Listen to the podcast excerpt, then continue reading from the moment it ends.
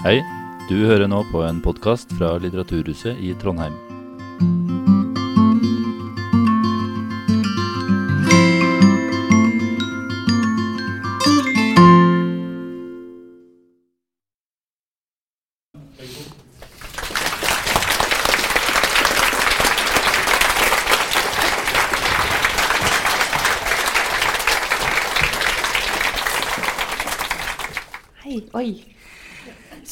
Mennesker har jeg ikke sett på mange år. Det tror jeg gjelder for mange av oss. Ok. Takk for en veldig hyggelig introduksjon. Så fint å være her. Um, denne våren svever det allmennøtter over Oslo, står det tidlig i Linn Ullmanns seneste roman 'Jente', 1983. Og det er ikke den eneste våren i romanen. Noen år tidligere minnes fortelleren. Dvs. Si våren 2016 arbeidet hun med en oversettelse og ble rammet av en depresjon. Det var også vår, får leseren senere høre, da den amerikanske poeten Emily Dickinson i 1862 skrev i et brev om den lammende angsten som hadde overveldet henne. Det var vår da fortellerens far i en annen tid på et annet sted ble innlagt på psykiatrisk avdeling i Stockholm. Og det var vår da John, en gammel skolekamerat i New York, plutselig en dag forsvant. Og det er vår, en slags vår, i hvert fall, når vi nå her skal snakke om denne romanen, som gir leseren så rik anledning til å tenke nettopp over tidens gang. Slik den kommer til uttrykk i den enkeltes liv, men også i årstidenes skiftninger våren og sommeren og høsten og vinteren som kommer igjen og igjen, men aldri er den samme. Ikke for den enkelte, og ikke for historien. Men slik fortelleren i denne boken strever med å finne et sted å la sin historie starte fra, så kan også en intervjuer bli sittende og gruble over hvor samtalen skal begynne. Om en roman det fins så mange innganger til. Så jeg bare hopper i det, Eileen. Har du lyst til å starte med å fortelle litt om hvordan denne romanen ble til? Først må jeg takke for den utrolig fine vårintroduksjonen. Den ble jeg veldig glad for. Og fin lesning. Det er mange årstider i boken. Ja.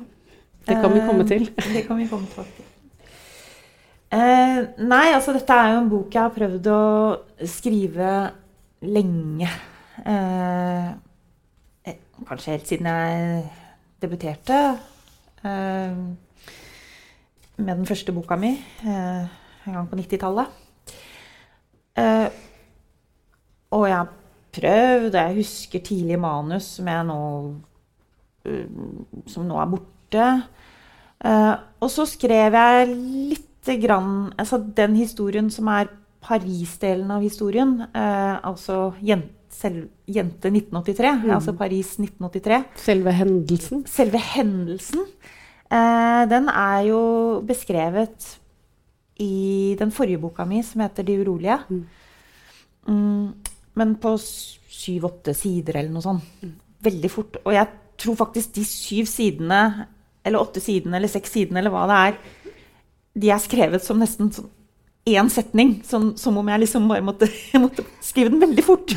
Um, For å få den ut av systemet? for da, å få den ut, eller få den bare skrevet den. Og, fordi at jeg begynner på det, og så trakk jeg meg, og så begynner på det, så, så, så den er et veldig brudd. Uh, hendelsen slik den er beskrevet i Det urolige, også sånn rent uh, språklig. Med at den, det er disse uendelig lange setningene. Um, Men tenkte du da at den kunne være at det lå noe mer i den Nei, for deg? Nei, da tenkte jeg ikke. Altså, jeg tenkte jeg visste da jeg skrev Det urolige, eller i hvert fall da jeg var ferdig med Det urolige, at jeg tenkte på dette som tre bøker, altså en trilogi, som skulle handle om um, glemsel og minner, um, som er noe av samme sak. Raseri og begjær. Det var de tre begrepene, eller tre områdene som jeg ville utforske i disse tre bøkene. Altså nå er det ikke tre bøker, men disse to bøkene. Og så er det én. One to go. Um, og i begynnelsen så tenkte jeg kanskje at uh, den første skulle handle om glemsel og minner, og så skulle den neste handle om begjær, og så skulle kanskje den tredje handle om raseri. Men egentlig, sånn som jeg tenker på det nå, så, han, så, så er det temaer som um, Som fins i alle Begge to. Eh, Ja, som er veldig flettet inn i hverandre. Ja, veldig flettet inn i hverandre. For at raseri, altså glemsel og minner er et, et hovedtema i både denne boken og De urolige. Altså hvordan huske, hvordan fortelle. Og hva gjør man med glemselen? Um, og er eh, Kan raseri og begjær eh, eksistere um, ved siden av Eller det kan de jo, ved siden av hverandre. Og hvordan eh, eh, hvordan eh, Og begge er vel en slags skap, Kan skape skam, eller være utgangspunkt for skam. Så skammen fins jo der også. Ja. Og så er det jo også et begjær etter å huske. Og et raseri, eller irritasjon i hvert fall, over ikke å huske. Ja. Så også på den måten er jo de temaene litt sånn ja, det har du veldig rett i. For det er jo nettopp eh,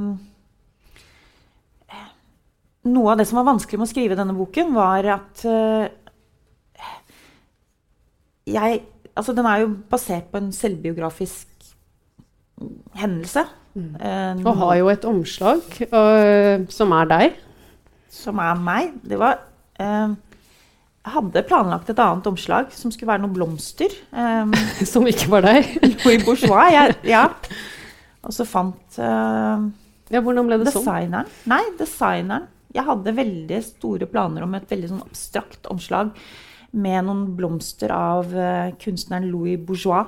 eh, som, eh, som selv var veldig selvbiografisk i det hun gjorde, og jobbet med noen, noen veldig kraftige røde blomster. Det var veldig fint, altså. Men det var liksom ingen, annen, ingen som falt for det helt. Um, og så kom designeren plutselig bare med dette bildet som han hadde funnet. Uh, som er et bilde av uh, av hun som, hun som jeg har delt kropp med, for å si det på den måten. Um, Hvor gammel er du igjen på dette bildet? jeg er, er, er 16. jeg er 16 år. Og bildet blir så vidt nevnt. fordi mm. dette er ikke det bildet altså Boken handler jo om et bilde som ikke fins. Altså det var Utgangspunktet mitt var jo å skrive om et bilde som ikke fins. og om en tur til Paris der jeg gikk meg vill. Uh, og om en hendelse som jeg husket bitte litt av, men egentlig ikke så mye. Så det var, så my det var ganske mye mørker om hvite flekker, flekker rundt det jeg ville fortelle. Og det var det, Ja, det var ir irriterende, men det var faktisk sånn Jeg ble sånn rasende på meg selv for at jeg ikke husket bedre, at jeg ikke eh, visste bedre, og at, at jeg var en sånn som gikk meg vill. Og hvis jeg skulle først skrive om Paris, herregud, skrive om Paris, da måtte jeg i hvert fall vite noe om Paris. Jeg kunne ikke bare Men, men hele poenget det er en jente i Paris som ikke finner veien noe sted, og, og, og går seg fullstendig vill. Så det var på en måte å skrive om en masse um, hva skal jeg kalle det, negative rom. Altså ikke, ikke negative som at de var dårlige eller leie, men, men, men ting som ikke fantes. Altså minner fravær, som ikke fantes. Fravær. Minner som ikke fantes. Veier som jeg ikke husket. Og om det å faktisk gå seg vill. Eh, det var et langt stykke fra det bildet, da. Men, eh, og et bilde som ikke fantes eh, lenger. Eh, som ble tatt av da en fotograf. Som jeg husker. Som ble tatt av meg. Og som var grunnen til at du dro til Paris. Som var For å bli tatt bilde av. jeg, jeg ble grunnen til at jeg dro av gårde mot alles ehm, ønsker. Um, og jeg husker jo selv at jeg var Jeg ville beskrive en jente som blir sett av en mye eldre mann som sier jeg, ta et, 'jeg vil ta et bilde av deg', og så det oppstår en, noe mellom dem. Jeg ville beskrive en jente som som, altså, som er så full av lengsler og begjær, også etter den mannen. Og etter å komme seg ut, komme seg vekk, bli voksen, være voksen, gjøre som hun vil, eh, bli tatt på, eh, bli Ikke sant? Så det men samtidig som da jeg liksom jobbet med de bildene av den jenta, så var det en voldsom sånn Som jeg fremdeles kunne kjenne på. En form for skam eller irritasjon, eller til og med raseri på den jenta. Eh, altså Hvorfor dro du Altså, du visste jo ikke hva du Hvorfor dro du hvor, hvor- hvorfor, eh, fant, hvorfor gikk du deg vill med en gang? Hvorfor Altså For det er en historie om et Ikke et kjærlighetsforhold, det vil Altså, ja. Forhold til denne eldre mannen. Det er, hvor stor er aldersforskjellen igjen? Det er, er det noen og 20? Eller? Nei, altså hvis hun, hun er 16 og han er 40, nesten 45 Ja. Så Mm. ja. Eh, stor. Ganske Men hun er ikke Ikke sant? Hun er ikke 14 Hun er ikke Hun er, ikke, hun er midt mellom barn og voksen. Mm. Og det var viktig for meg eh, å tenke litt rundt det og utforske det. At hun ikke var Hun var ikke et eh, Hun var ikke bare et barn. Nei, hun er ikke bare uskyldig. Hun har jo også Nei, hun er veldig ikke vilje. uskyldig, Hun har egen vilje. Det er hun som vil dra. Hun kan, og hun, det er hun som oppsøker han. Riktignok fordi hun har gått seg vill, og hun har en lapp hvor det står adressen hans. Så det er derfor hun ender opp i leiligheten hans om natten i Paris. Hun finner ikke hotellet sitt. Og han har kanskje tilrettelagt litt for at det kan skje. Eller ikke. var ja. Mm. Men jeg ville ikke skrive en bok som var en klassisk uh, offerhistorie. Mm. Eh, jeg ville ikke Altså, metoo er selvfølgelig Altså, det fins i meg når jeg skriver denne boka. Mm. Um, og den er preget av uh, Jeg er preget av metoo og tenker kanskje annerledes, eller tenker nytt, eller tenker bredere, uh, dypere om, om egne erfaringer. Samtidig så ville jeg ikke så ville, jeg, så ville jeg egentlig fokusere på jenta. Jeg ville prøve å finne henne. Denne he, påten, altså hel overtente jenta. Som eh, reiser av gårde, og som tror hun klarer alt, og som veldig raskt er eh, Hva er det man sier på engelsk? In over her head. Altså er eh, hva sier- Det er et godt norsk begrep for det også. Altså, altså hun, hun er i hvert fall Hun, hun, hun går i stykker, altså det går i stykker rundt henne. Hun får det ikke til. Hun mestrer ikke situasjonen. Og det er mye å mestre, tross alt òg, da. Hmm? Det er mye å mestre, tross alt òg. Ja, men det, det, men det er spennende å skrive om Det er vel egentlig det jeg tror jeg skriver om veldig ofte. Altså personer som ikke, ikke mestrer situasjonen. For det er, det er fint å være, være der man skriver. Det er jo ikke så veldig spennende å skrive om Det er folk som får til alt. Ja, folk som får til ting. Mestring er veldig fint å kjenne på.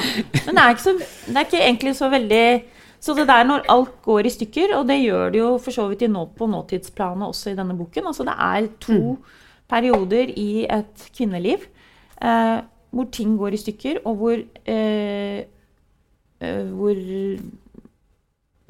Hvor jeg Hvor hun ikke vet eh, hvor hun skal gå videre. Altså hvordan gå videre.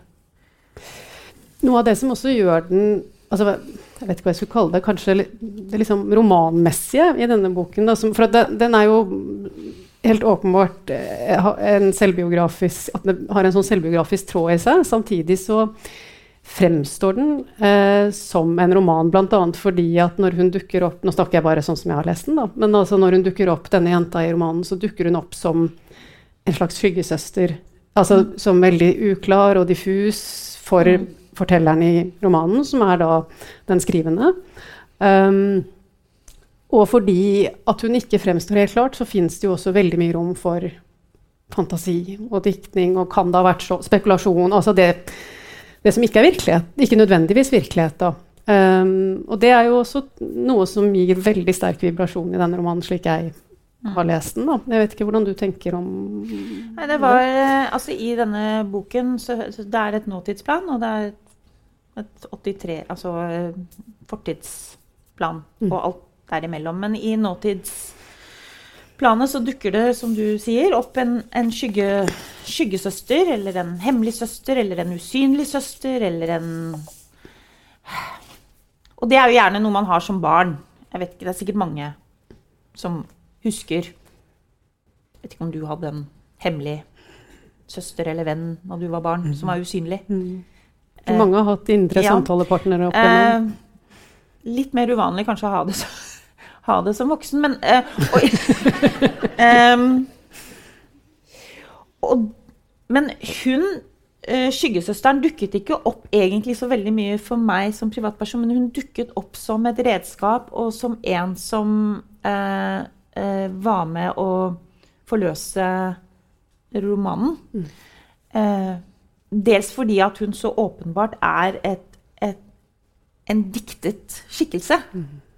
Um,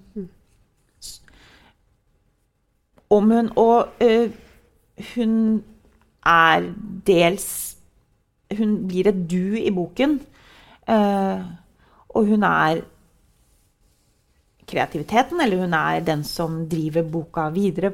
mm, Eller skrivingen videre. Dette er jo også veldig mye en bok om å skrive. Altså om å skrive en historie. Som det virker umulig å skrive. Og, Og om å skrive seg selv. Så, den, den så hun er en slags skrivende skrive... Skri, hva skal jeg kalle henne? Skri, skrivesøster. Men hun er også, hun er også eh, angsten. Og de to tingene hører jo veldig mye sammen eh, ofte. Altså det å prøve å få til noe, eller lage noe, eller skape noe, eh, går jo ofte hånd i hånd med en angst. Eh, eller en frykt. Og det tror jeg også man kan se. Det, det trenger ikke engang å være forfatter eller kunstner for å tenke, men altså at man ofte man kan bli grepet av en sånn Det vil jeg gjøre, eller det skal jeg gjøre, eller det skal jeg lage, eller det skal jeg eh, skape. Og veldig fort så kommer det en, en motstridende kraft som sier nei, det skal du ikke. Det bør du ikke. Det er farlig. Det kan ikke du. Hva er det, hva er det da? Nei, jeg tror at altså, frykt og kreativitet henger sammen. Uh, og uh, går hånd i hånd. Og det er ikke helt sånn at man får den ene uten den andre. I hvert fall ikke på sånn lang sikt.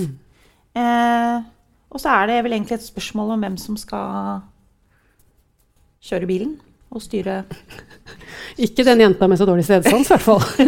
Nei, og hun er vel en sånn blanding av dem begge. Men, eh, men eh, ikke sant, er det Ja. Eh, men det var Men den skyggesøsteren som dukker opp under en alm eh, i Torshovparken i Oslo, er, er alle disse tingene. Mm. men hun er hun, hun, er, hun er jo diktet. Mm. og hun eh, og vi snakket om glemsel, sånn apropos diktning. For, for lenge så tenkte jeg at dette med glemsel var en, en skikkelig sperre. At det var Jeg kan ikke skrive om det, for jeg husker ikke nok. Jeg husker, men, men alle minner er jo bare glimt. Det er jo ikke noe som er eh, Man husker jo ikke historier. Eh, Det man husker, er glimtene, og så lager man og dikter man historien. Så man har et glimt, et glimt, et glimt, og så trekker man disse Ja, det er nesten som drømmer, at man har bilder mer Ja, enn ord. Og sånn er jo minnene også. Eh, Og så tror vi at å ja, det var sånn det var sånn det skjedde. For nå har jeg fortalt den historien, og så begynner man å huske det man har fortalt. Altså, dette er jo minneforskning. Så glemselen, istedenfor å være en sperre, begynte jeg å tenke veldig mye på som en mulighet til ehm, til, eh, altså til det å kunne forestille seg. Uh, til å forestille seg hva som kan ha skjedd. Altså mulighet til diktning, rett og slett. Kanskje du skal lese et lite parti uh, fra boken. Det er sikkert mange her som har lest den, men sikkert mange som også vil gjerne høre mm, litt. Jeg tenkte på dette med um, altså, Nå har vi jo snakket en del om jenta som, som blir betraktet. Dels gjennom en linse, dels gjennom for, den skrivende fortelleren som ser tilbake på slik den jenta kan ha vært. Men det fins også noen partier, eller i hvert fall ett parti, Ja. hvor hun selv er en betrakter. Ja. Jeg tror flere, og, og det eh, Det var viktig for meg eh, når jeg skulle skrive fram denne jenta, at hun hadde agens, som det heter. Altså at hun hadde et blikk. Det er ikke mannens på henne som egentlig er den drivende kraften i denne boka. Det er hennes blikk, og det er derfor jeg har eh, eh, epigrafen, som det heter, altså et sånt lite sitat foran. Eh, da hun våknet, var hun i en stor skog, og så la hun av sted igjen, men hun visste ikke hvor det bar hen.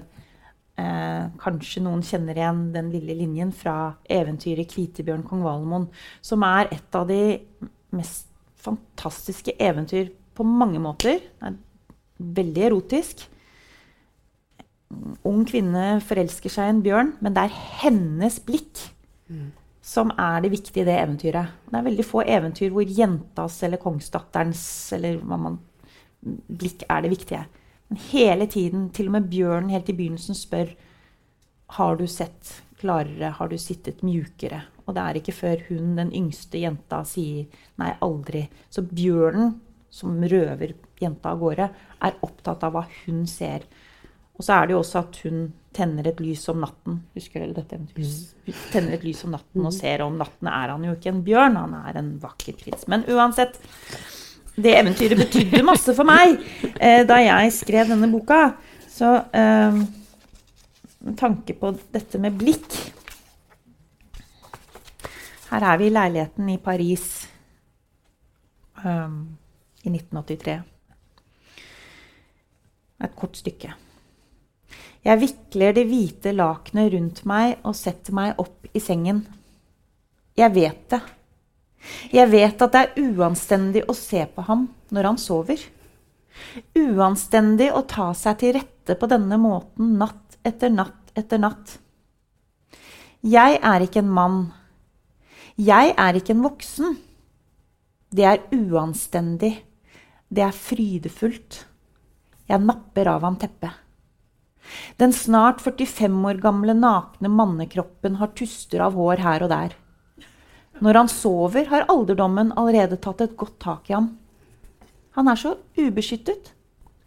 De lange, tynne krøllene hans. Kanskje jeg skal klippe dem av? Begjæret er helt fraværende nå. Jeg vil ikke ha ham. Søvnen har tatt alt sammen. Kroppen hans buler ut og skrumper inn. Det gjør ikke min. Jeg er 16 år. Han hører ikke at jeg fniser. Han sover så dypt. Kroppen hans minner om frukt, om overmodne epler i en skål på bordet under vinduet.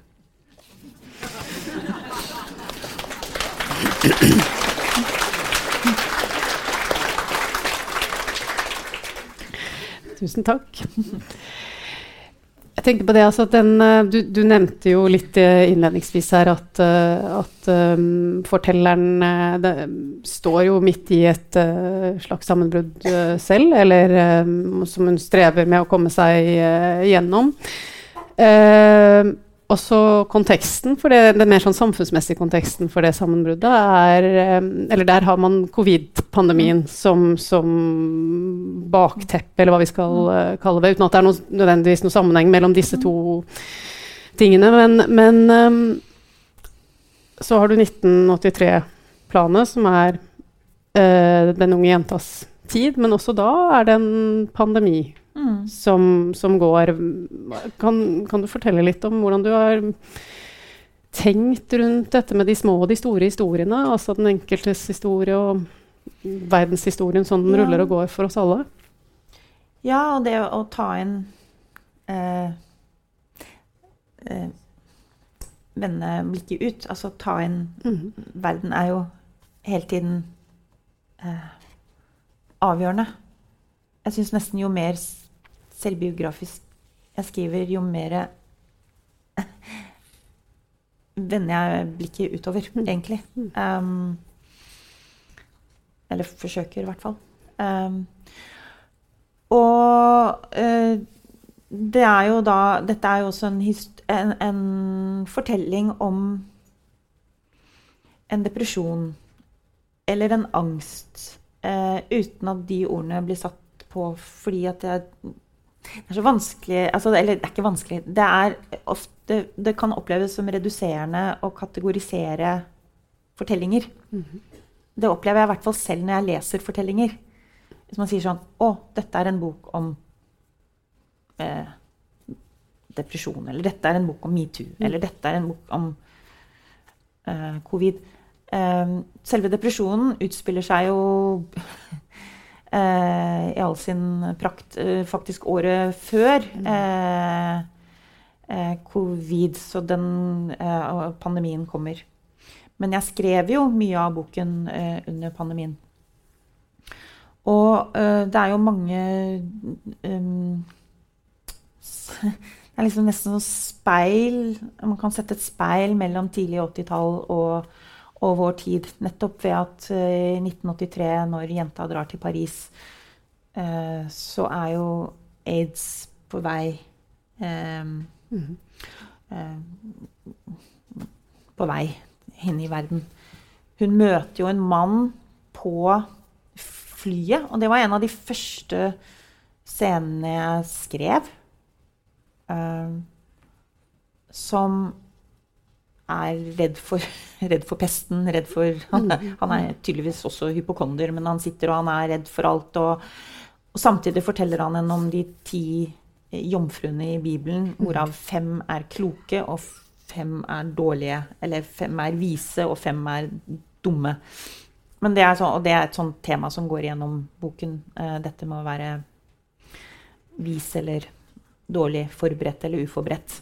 Mm. Uh, uh, men så er det jo også altså, Det er jo mange ting som speiler tidlig 80-tallet og nå. Altså, det var toppen av den kalde krigen. Mm. en voldsom sånn underliggende angst hele tiden mm. for, eh, for utslettelsen. Eh, og det tror jeg man må gå tilbake til 80-tallet, tidlig 80-tall, for å kjenne på det som, vi, som, som, som, er vår tid også. Som er en slags eh, kontinuerlig eksistensiell utslettelseserfaring av, av ut, ut, ja, nå, mm. nå, nå, nå, er det farlig. Ja, og som både foregår på et sånt storpolitisk, ja. historisk nivå og på et individuelt inni ja. min egen kropp-nivå. Ja. Altså sykdommen som brer seg, lungene som Ja, um, og det er jo ikke sant at uh, Vi snakket om det litt i sted, Kaja, dette med Ja, faren, jo. Ja, fa faren i boken ble jo født i 1918. Og det står bare nevnt så vidt. Det var jo en, en tredje pandemi, altså eh, spanskesyken, som den kalles. Eh, og blir innlagt på psykiatrisk eh, sykehus etter en, en, alvorlig lungebetennelse. Ja, og da er vi på 60-tallet eller noe sånt? Og da er vi på 60-tallet. Da er vi på eh, Det skjedde med min far også. Eh, så selvfølgelig er faren i denne boken, som er veldig annerledes enn faren og spiller en helt annen rolle enn faren mm. i, i, De urolige, hvor faren er en slags hovedrolle. Mm. Men han har en helt annen type rolle her. Men, ja. men uh, denne lungebetennelsen uh, og påfølgende uh, oppholdet på psykiatrisk utartet til et, et filmmanus som da var, ble Ja, som og jeg ble til, da. så jeg det, det, Nå må du utdype. ja, så, så, jeg har tenkt uh, uh, Men jeg tenkte mye Det gjør man jo når man befinner seg i altså, og, og, boken handler jo om sånne overgangsfaser. Um, og da tenker jo fortelleren slik jeg også gjør i mm. mitt eget liv, og slik alle gjør. Hvor har jeg dette fra? Mm. Eh, så rammes man av en Altså det man er rammet av? Er man rammet av, altså det på det individuelle planet. Mm. Hvor har jeg denne ja, er det, Og da går man jo både til sin egen familie, altså til det lille, og man går ut i det store i verden. Altså hvor, hvor er det jeg er i, i hvilken tid er det jeg lever i, og altså hvor, hvor Ja. Mm.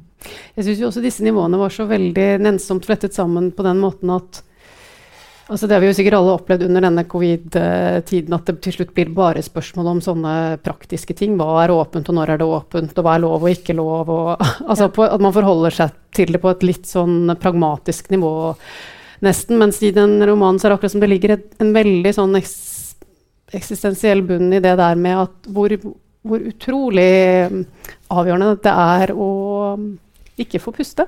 Ja. Altså at det er mer sykdommer som angriper lungene og, og ja. hjertet og de vitale kroppsfunksjonene. Da. Og det snakker vi om. Det, det må vi i sant, Susan Sontag, som du kjenner godt, eh, amerikansk forfatter, kritiker, essayist, skrev jo om eh, 'illness and its metaphors', altså sykdom og dens metaforer. Hun skrev også om 'aids and its metaphors'. Hun er jo, Susan Sontag er jo død nå. Hun var opptatt av sykdom og hva hvordan vi leste den og forsto den og snakket om den. Um, og ja uh, hvor, altså covid og slik, den, slik det kom, uh, kom til oss Og det, det, var jo farligere for alle Mm. før. Um, Ja, den første nedstengingen. i hvert fall for da vi alle var uvaksinerte og sånn. Men Mm. altså Den rammet Symptomene var veldig like ja, angstanfall. Ja. Altså det går rett på um, lunger, hjerte eh, Frykt Ja, Mhm. sånn. Pust. Mhm. Og kan jo i seg selv utløse angstanfall. Ja.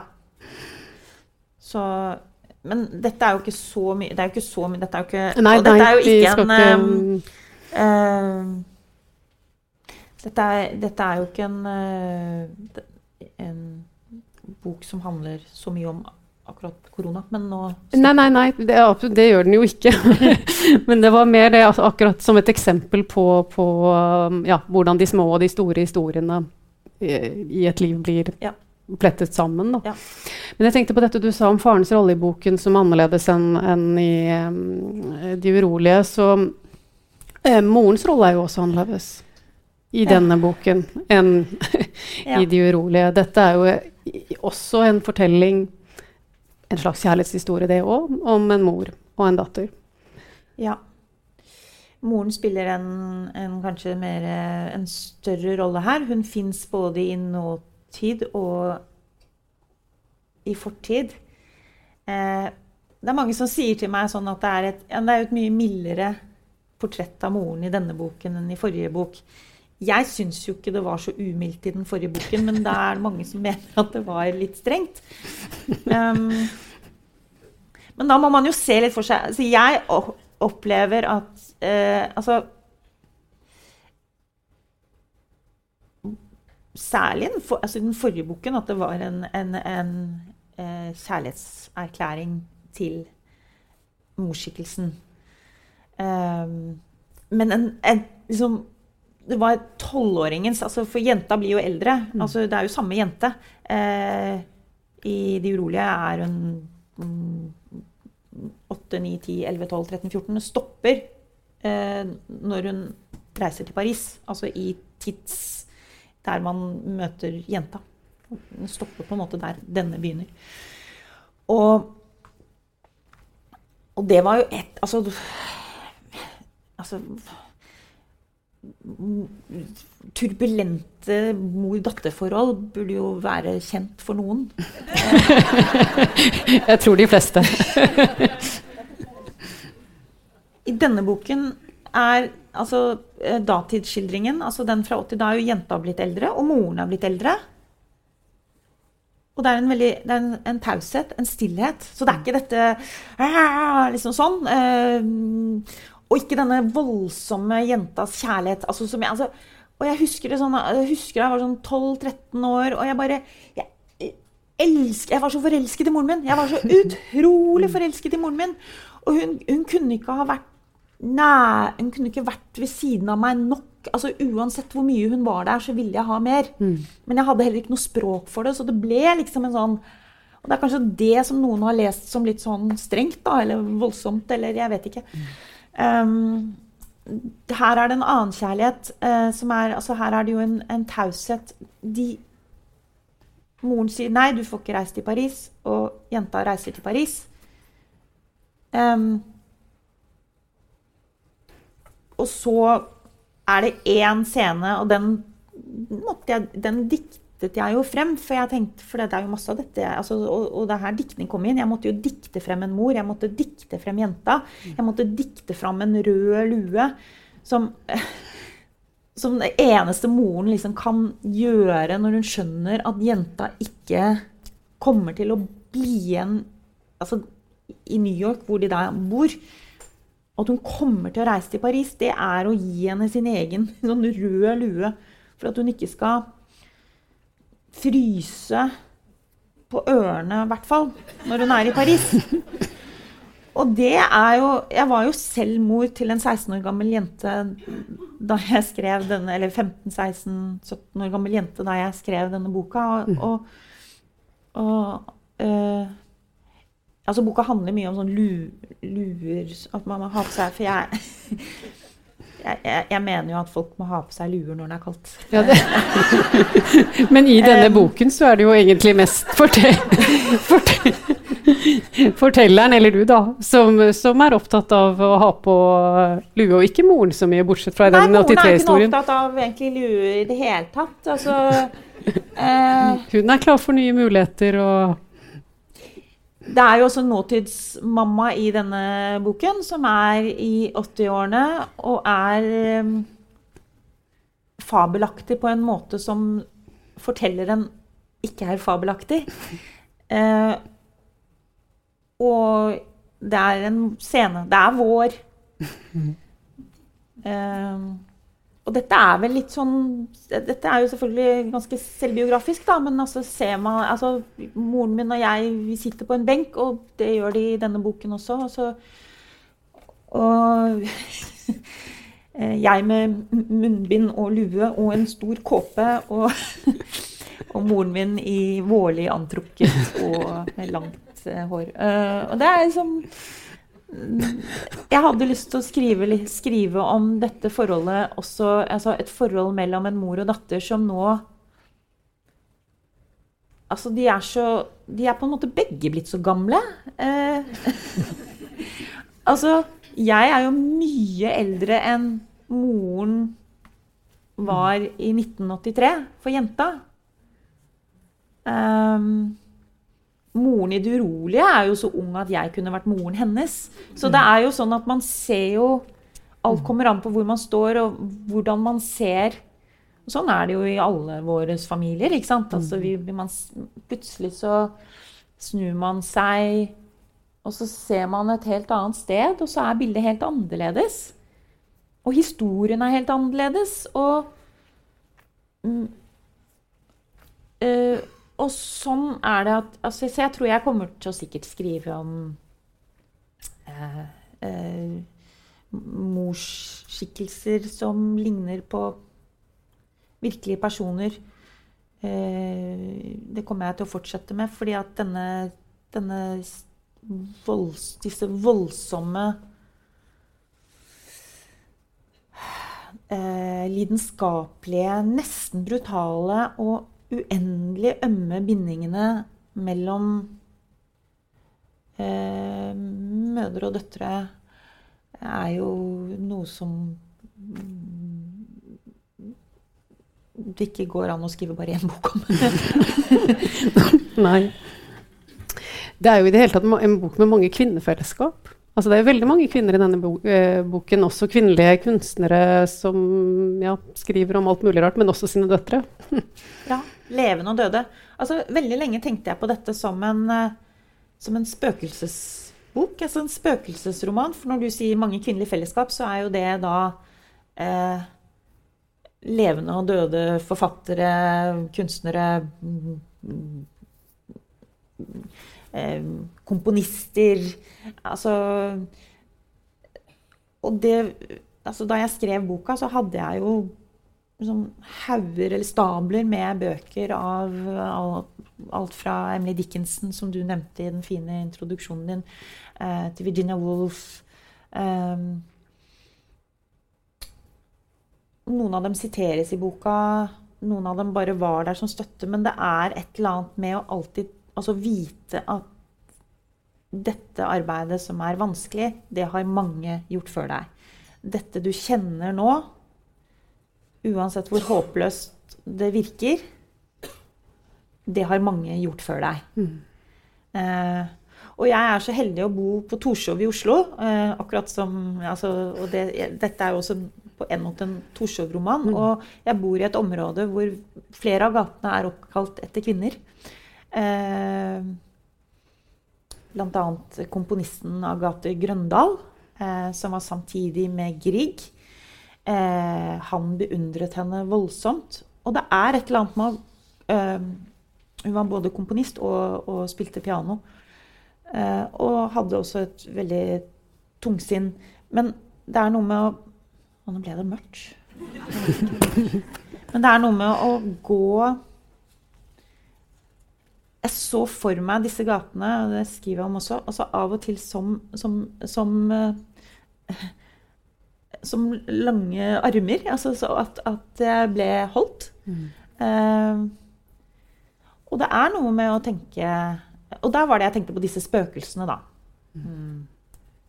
Agathe Grøndal levde jo for mer enn 100 år siden, mm. f.eks. Uh, Virginia Woolf også. Hun uh, leser litt i dagboken hennes hver dag. Og det er den derre følelsen av eh, Du er ikke alene. Du blir holdt. Eh, du er ikke den første eller den siste mm. som gjør dette vanskelige, hva det nå er som du gjør. Mm. Så kan det jo være med andre nære som blir borte. Altså F.eks. pappaen i boken. altså det der med at når man mister folk man er glad i og har vært veldig nær, så er de jo ugjenkallelig borte samtidig som det kan føles som om de ikke er det. Fordi man fortsetter å snakke med dem. Ja, det er det. Så det er jo en, en, bok Og det er jo noe som er det fineste med å skrive, er jo at uh, At uh, Når skrivingen går, går, greit, da Altså veldig ofte er jo skriving, som du vet, som mange vet Altså skriver, og det skjer ingenting. Og du skriver, og du skriver, og noe av det å skrive er jo å tåle å kunne skrive dårlig. Eh, for skrive dårlig, det gjør man alltid når man skriver. Og det er aldri sånn at man bygger sånn Å ja, men jeg har jo skrevet nå liksom, to bøker eller fire bøker eller fem bøker eller syv bøker som jeg har skrevet nå. Det er ikke noe sånn at, sånn at det er egentlig vanskeligere hver gang. Um, men når det når det går fint, så det, kan det være av og til denne følelsen av en samtale med levende. Ikke bare døde, men også levende. Ja. Men ikke levende som er i rommet med deg, men levende som man kan føre samtaler med. Og det, ja. Mm. Så en sånn bok er det jo. I, hele tiden i en slags sånn spørrende samtale. Mm. Det er ikke så altfor lenge til vi må gå inn eh, for landing, men det er en viktig skikkelse i denne boken vi ennå ikke har uh, snakket så mye om, og det er en hund. Um, jeg lurer på om du først kan lese um, et lite parti i boken, uh, og så at vi kan snakke litt om hunden. ja. Så du er her. Uh, deg, du det er skyggesøsteren som vi snakket om tidligere. Altså dette duet. I dag kom jeg på en ting. Jeg vil fortelle deg om ro. Den kommer like uventet som glede eller søvn når du trodde du ikke skulle få sove, eller latter, eller som jenta du ikke visste var i nærheten, som løper opp og ned trappene, banker på alle dørene og spør etter deg. Det er ikke alltid det hjelper å puste. Det er ikke gitt at du får til å puste på den riktige måten med magen i firkant og med lange utpust bare fordi du vet at det er det du skal gjøre. Hunden er blitt enda eldre. Han kan ikke leve videre i all evighet. Det er det jeg vil. At han skal leve lenger.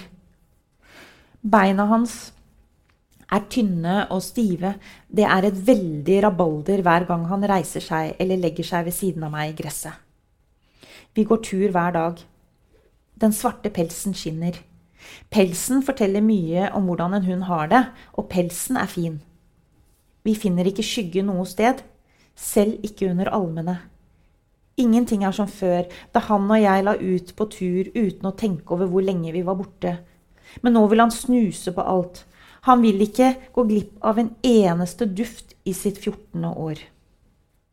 Hjemme i de kjølige rommene der hun og jeg bor med mannen min og Eva, fyller jeg vannskålen og setter den på gulvet. Han senker hodet og drikker. Hvis du hadde levd, hvis du hadde vært virkelig, kunne vi stått sammen og hørt på lyden av hunden som drikker vann. Han leppgir det i seg latt, latt, latt. Det er den vakreste lyden jeg vet, og helt uoversettelig.